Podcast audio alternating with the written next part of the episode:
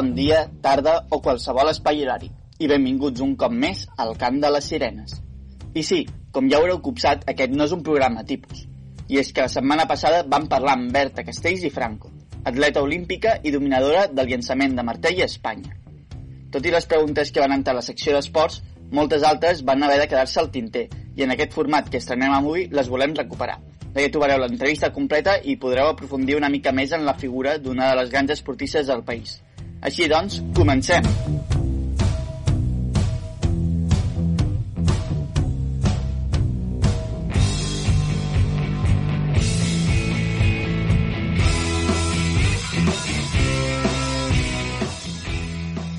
D'on ve aquesta especialització en el llançament de martell?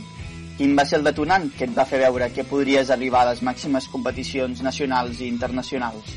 Doncs jo vaig començar l'atletisme amb 12 anys.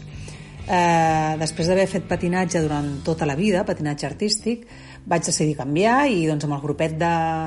de l'escola vam, vam decidir apuntar-nos a l'atletisme, a fer una miqueta de tot. Fèiem doncs, salts, llançaments, eh, corríem i poquet a poquet doncs, a les competicions eh, sempre anava destacant una miqueta, més amb els llançaments. Les curses em feien molt pesades i, i els salts doncs, bueno, també m'agradaven molt. Eh, però ja et dic, els llançaments eh, sempre he destacat una miqueta més i, i el meu entrenador ja, ja llavors, que és el José Luis Velasco que és el, el mateix entrenador que tinc ara doncs eh, a mi i a, i a uns quants més ens agafava després dels entrenaments per fer alguns alguns exercicis i provar alguna coseta més i poquet a poquet doncs, vaig anar destacant. El llançament de martell eh, se'm donava doncs, relativament bé i, i aconseguia fer coses que potser molta gent li costaven una miqueta d'una manera més fàcil i això em va donar molta moltes opcions doncs, a, les, a les competicions d'aconseguir bons resultats i de cada vegada anar escalant eh, més i les marques anar millorant-les i doncs, aconseguir resultats bons que suposo que en aquesta edat de 13 14 anys doncs quan et veus que, ostres, eh, vas aconseguint cosetes i, i l'entrenament i les coses que fas t'agraden, doncs, doncs encara t'enganxa més. I un punt d'inflexió en, en veure que podia arribar a competicions importants, doncs ja et dic, com que Uh, tot això ha sigut uh, sempre des dels inicis com un hobby, com, un, com una cosa per, que m'agradava, que no ho feia per obligació ni molt menys i, i poquet a poquet vaig anar millorant i, i, i arribant a, a competicions, doncs, a competir a nivell nacional i internacional, però no hi va haver cap punt d'inflexió ni cap uh, moment en concret que, que diguis, ostres, aquí puc, aquí puc, crec que puc arribar a un campionat del món o uns Jocs Olímpics els primers anys, t'he de ser sincera, i, tot em va anar venint una miqueta sense esperar-m'ho. Jo anava competint, anava uh, fent rècords, anava guanyant medalles, anava... Ostres, això, això, ostres, això, això eh, m'agrada cada vegada més i els resultats eh, encara em, em donen més, més energia. I els primers anys va ser així. Després ja quan aconsegueixes anar a les competicions amb la selecció espanyola absoluta, amb, amb la gent que, que sempre has vist per la tele i que doncs, ara ets company, company i companya d'elles i d'ells, doncs eh, bueno, llavors ja comences a plantejar-te les coses i dir, ostres, potser sí que, que això doncs, podré aconseguir cosetes importants i encara eh, t'hi poses més a tope a treballar i a, i a entrenar. Quin és l'element més important a treballar en el martell? Doncs jo crec que l'element més important eh, tant en els llançaments com en altres proves de l'atletisme crec que és eh, la tècnica i en el de martell doncs també. La tècnica és, és fonamental tot i que molta gent es pensa que tot és força o tot és eh, bueno, ser, ser gran, ser fort sí que influeix i està clar que, que a vegades ajuda, a vegades no tant i a vegades no és necessari perquè veiem tipologies de llançadors i llançadores molt diferents, no tots són grans i molt forts, n'hi ha de més petits, més primets i n'hi ha, ha de tot tipus però crec que el més, el més important és que des de l'inici, des de que comencem a, a introduir els, el, les atletes els atletes en, sobretot en els llançaments, que és el que conec uh, una miqueta més, doncs que se'ls ensenyi la tècnica d'una manera fàcil, que ho puguin assimilar, que ho puguin aprendre ve des de, des de ben petitons. Crec que és importantíssim. Després, si una vegada ho aprens malament és, és complicat i bastant difícil eh, corregir-ho i t'ho dic jo que porto 25 anys gairebé i intento encara corregir cosetes i, i millorar coses però clar, cada vegada és més, és més difícil. Llavors la importància d'un bon entrenador d'una bona entrenadora que, que insisteixi en les correccions en, en intentarem fer-ho d'una altra manera en això potser et surt millor d'aquesta manera intentem entrenar-ho així jo crec que això és fonamental i, i, i insistir que en, en aquest esport que és el que conec jo i suposo que en tots els altres eh, l'esport base i la, la, la, doncs, l'ensenyar bé les coses o el que creiem que potser és el millor no? eh, als petitons des de l'inici doncs crec que és important pel seu desenvolupament i perquè arribin a, a saber fer les coses bé i, i, i bueno, que, que intentin eh, que els surti de la, de la millor manera possible. Com et prepares per a les grans fites? Eh, la preparació tot l'any es planifica en base a les competicions on participaré. Eh, el meu entrenador i jo doncs, mirem el calendari un, un cop arrenquem la temporada i, i mirem a les competicions que, que eh, són més importants, eh, depenent les dates, com estan ubicades al calendari, i a partir d'allí doncs, ell, que és el, el que en sap molt, molt i molt més, doncs organitza la planificació de, de tot l'any, eh, són uns 9 o 10 mesos d'entrenament i es divideix en diferents cicles. És important l'estat anímic? El més important de la preparació que has fet durant tot l'any és enfocar-ho tot a aquestes competicions, que són les més importants de, de l'any, i que arribis en aquell moment, en aquella setmana o aquells eh, dies, eh, de la millor manera possible, físicament, mentalment, eh, d'una manera descansada, amb moltes ganes de competir, que ja no vinguis fatigada de d'haver competit 20 eh, vegades i ja uf, estiguis cansadíssima. Llavors tot això s'ha d'anar controlant, s'ha d'anar decidint en quines competicions eh, convé sortir, en quines no, per estar bé aquesta setmana eh, i això és important i el tema de, de l'estat d'ànim i de la motivació jo crec que és eh, no sé quin percentatge podria dir, però, però si la preparació física i el treball que fem durant aquests eh, 10 mesos és un, un 60%, doncs jo crec que, que la resta és ganes, motivació i, i voler fer-ho bé i estar convençut que, que et sortirà en aquell dia, en aquell moment i que, i que hi poses totes les ganes. Després mm, potser no surt, doncs ja, ja ho valorarem, mirarem n'aprendrem i ho intentarem fer millor. Però si a una competició s'hi va mm, derrotat o amb dubtes, amb pors i no massa segur d'un mateix, doncs jo crec que això és, és complicat donar al, al 100%, perquè tot i no estar bé eh, durant unes setmanes entrenant, eh, quan arribes a la competició jo crec que això s'ha d'oblidar i, i tot i no estar del tot bé o com t'agradaria estar-hi, jo crec que aquest plus de, de, de nivell mental, tenir-ho claríssim i a nivell de motivació estar al 200%, jo crec que t'ajuda i et dona aquest plus que dic a aconseguir la marca que potser no esperaves doncs, referent als, als últims entrenaments que havies fet. Llavors crec que el cap és, és importantíssim, igual que, que l'estat físic, però però és una part fonamental que si no la tens es nota moltíssim. Com compaginaves els estudis amb l'esport al més alt nivell? El tema d'estudis mm, crec que sempre l'he portat força bé i l'he pogut compaginar sense massa, massa problemes amb, amb els entrenaments. Ja a l'institut, doncs, eh, després de les classes ja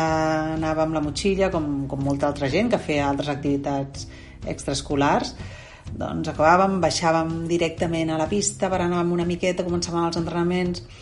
i això era al principi, clar. Llavors, quan els, les hores d'entrenament i, de, i dies d'entrenament van anar augmentant, doncs sempre intentava compaginar amb els estudis i un cop acabat l'institut i, i que començo la universitat, doncs eh, tu compagines, tu, tu et gestiones el dia i, i quan quan a vegades necessites una mica d'aire dels estudis, doncs sempre va bé doncs, les 3, 4, 5 hores d'entrenament que, que teníem cada dia. I quan l'entrenament és molt més dur o les coses a vegades no sortien del tot bé doncs sempre tenia el refugi dels estudis. Llavors eh, crec que ha sigut molt bo eh, no centrar-me únicament en, en l'esport tot i que molta gent m'ho ha proposat de dir no, no, no, no deixar d'estudiar sinó de dedicar moltes més hores. Jo crec que he portat un equilibri que per mi en aquest cas ha sigut bo, potser per altra gent necessita entrenar molt més o entrenar menys, estudiar més. Jo crec que ho he sapigut portar força bé i, i els resultats són aquests. He, he acabat la, vaig acabar la carrera de nutrició humana, estic treballant d'això, estic eh, entrenant i he pogut compaginar durant tots aquests anys doncs, els estudis i els, i els entrenaments. Com funciona el procés de selecció per arribar a les competicions? Doncs el procés de selecció per arribar a uns Jocs Olímpics o un campionat del món o un campionat d'Europa o, o alguna altra competició a nivell internacional eh, es basa únicament en, en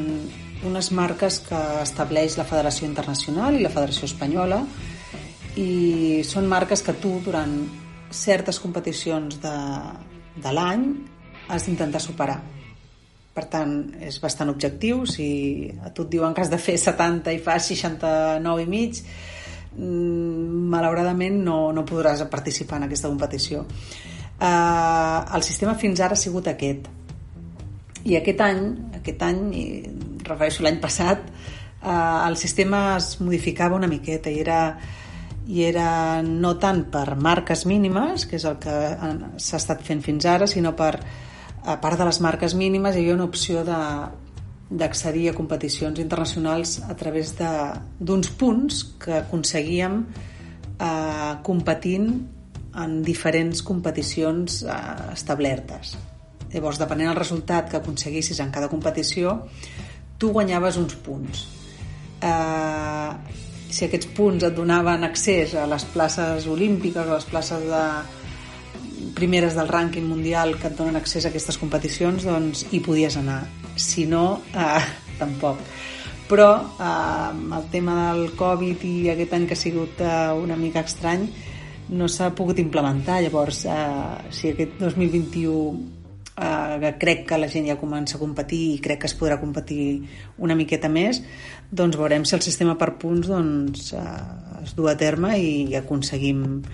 estar en aquests quarts Jocs Olímpics. De quina participació en guardes millor record? Guardo molts bons records de, de moltíssimes competicions. És, és complicat decidir-ne alguna. Una d'elles és, per exemple, quan vaig aconseguir eh, fer l'actual record d'Espanya, que va ser el 2016. Eh, vaig superar la, la barrera dels 70 metres, vaig ser la primera dona en superar-la en tot l'estat espanyol. Mai, mai ningú ho havia aconseguit i, i jo també era un objectiu que, ostres, costava i semblava que no, que no arribava i que potser no arribaria, però, però ho vaig aconseguir, ho vam aconseguir amb el meu entrenador i va ser, crec un moment molt maco per, per nosaltres, per dir, ostres, eh, hem arribat, ho hem fet i tot això que, que portem treballant aquests anys doncs, ha aconseguit donar els seus fruits i altres competicions que podria recordar serien la, les competicions en categoria juvenil, que és quan, quan tens 15-16 anys, que vaig aconseguir les meves primeres medalles a nivell internacional, vaig ser subcampiona del món i, i vaig aconseguir la tercera plaça en el campionat d'Europa. I bueno, sempre la recordo amb molt de carinyo perquè són les primeres medalles així importants i, i bueno, per suposat els, els Jocs Olímpics, tres Jocs Olímpics i, i a punt d'anar als quarts eh, per poquets centímetres però bé, la competició en uns Jocs Olímpics sempre és, és, és, és no es pot comparar amb, amb cap altra cosa i crec que és la millor experiència que li pot passar a un esportista. Com es viu dins de les viles olímpiques? En tens alguna anècdota? Si participar en uns Jocs Olímpics, que és la competició per excel·lència, és una experiència potent i crec que és on tot esportista voldria ser-hi en algun moment de la seva carrera, el fet de viure i, veure l'ambient uh, d'una vila olímpica uh, per mi ha sigut una de les experiències més maques que he tingut. Mm, són molts dies els que passes allí, són, són experiències noves perquè coneixes gent d'altres esports. Nosaltres estem acostumats a relacionar-nos amb, amb gent d'atletisme i, i poc més. I el fet de que cada quatre anys eh, uns Jocs Olímpics et donen l'opció de poder retrobar-te i poder tornar a compartir eh, en, en, alguns, en algunes ocasions setmanes i setmanes de convivència amb, amb gent de bàsquet, amb gent d'handbol, amb gent de, de gimnàstica, amb gent d'altres esports, de natació, eh, això fa doncs, que la teva experiència sigui i, i molt, més, molt més potent i molt més enriquidora i, i que coneguis doncs, altres esports, et fa conèixer gent, et fa conèixer eh, especialitats que no, no sabies i es forma com una petita gran família, que, que això són els tòpics de les viles olímpiques, que entre tots doncs, ens anem recolzant, anem sempre que podem a, eh, a veure una competició de gimnàstica, per exemple, o un partit de bàsquet, o uh, demà naden les noies de sincronitzar, doncs si podem, uh, gaudim de, de, de les diferents competicions que hi han al voltant de la Vila Olímpica i, i que potser en altres ocasions no, no tindríem la possibilitat. I la resta de gent doncs, també aprèn i ens coneix i quan competeixes i quan i com ha anat i com a, i demà tornes a competir doncs es fa aquestes relacions amb, amb gent que no, no tenim normalment l'opció de, de relacionar-nos i de conèixer-nos. I jo crec que, que la vida en les viles olímpiques que són, en definitiva són com uns apartaments, són com blocs de pisos que estem allí eh, eh, dividits per, normalment per països i, fem vida, doncs, vida normal. Eh, xeques, eh, doncs, tens els menjadors per esmorzar, eh, pots anar a posar la roba a la rentadora, tens bugaderies, tens sales de jocs, tenim... Pff, hi ha mil coses per fer, mil, mil. I, i clar, doncs jo no sóc massa fanàtica, per no dir gens, però pots estar dinant i tenir a, Michael Phelps dinant al costat teu, això ja, clar, arriba un punt que mig acostumes a tenir gent tan important, amb tantes medalles olímpiques, o amb,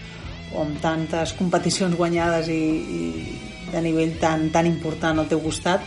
i que són gent que ha vingut a, a, a intentar fer-ho el millor possible, igual que tu. Per tant, la vida amb, amb, a la Vila Olímpica doncs, tots acabem sent iguals, tots acabem eh, dormint als mateixos llocs, menjant als mateixos llocs i, i passant l'estona i les hores mortes doncs, a, als mateixos llocs I, i això jo crec que és molt enriquidor per, per, per tots els esportistes i, i és, és fantàstic. Crec que és de les millors experiències que, que recordaré. Com organitzeu el viatge i l'estada? Rebeu algun tipus d'ajuda de l'Estat? Tots aquests viatges dels Jocs Olímpics o dels campionats del món o campionats d'Europa, competicions internacionals, eh,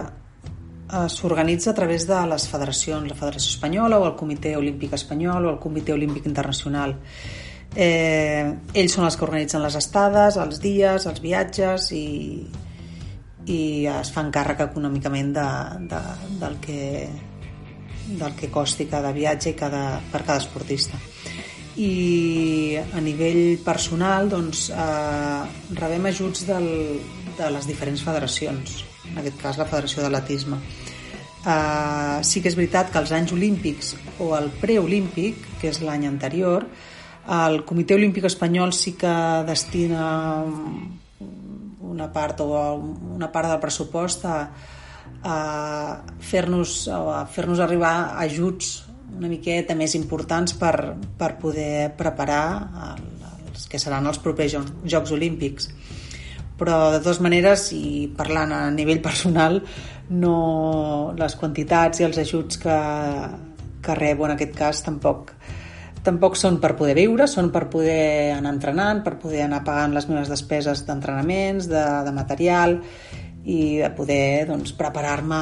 de la millor manera per, per estar en, els, en, el, en les competicions més importants